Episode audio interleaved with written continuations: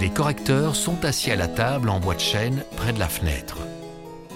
Ils contrôlent minutieusement les épreuves réalisées entre la composition du texte et son impression définitive. Pagination, signes de ponctuation, accent, orthographe, abréviation, caractère, aucune erreur n'échappe à leurs yeux de lynx. Le correcteur reçoit l'assistance d'un lecteur. Ce dernier fait la lecture de l'épreuve à voix haute pendant que le correcteur procède aux corrections. Le correcteur est un érudit.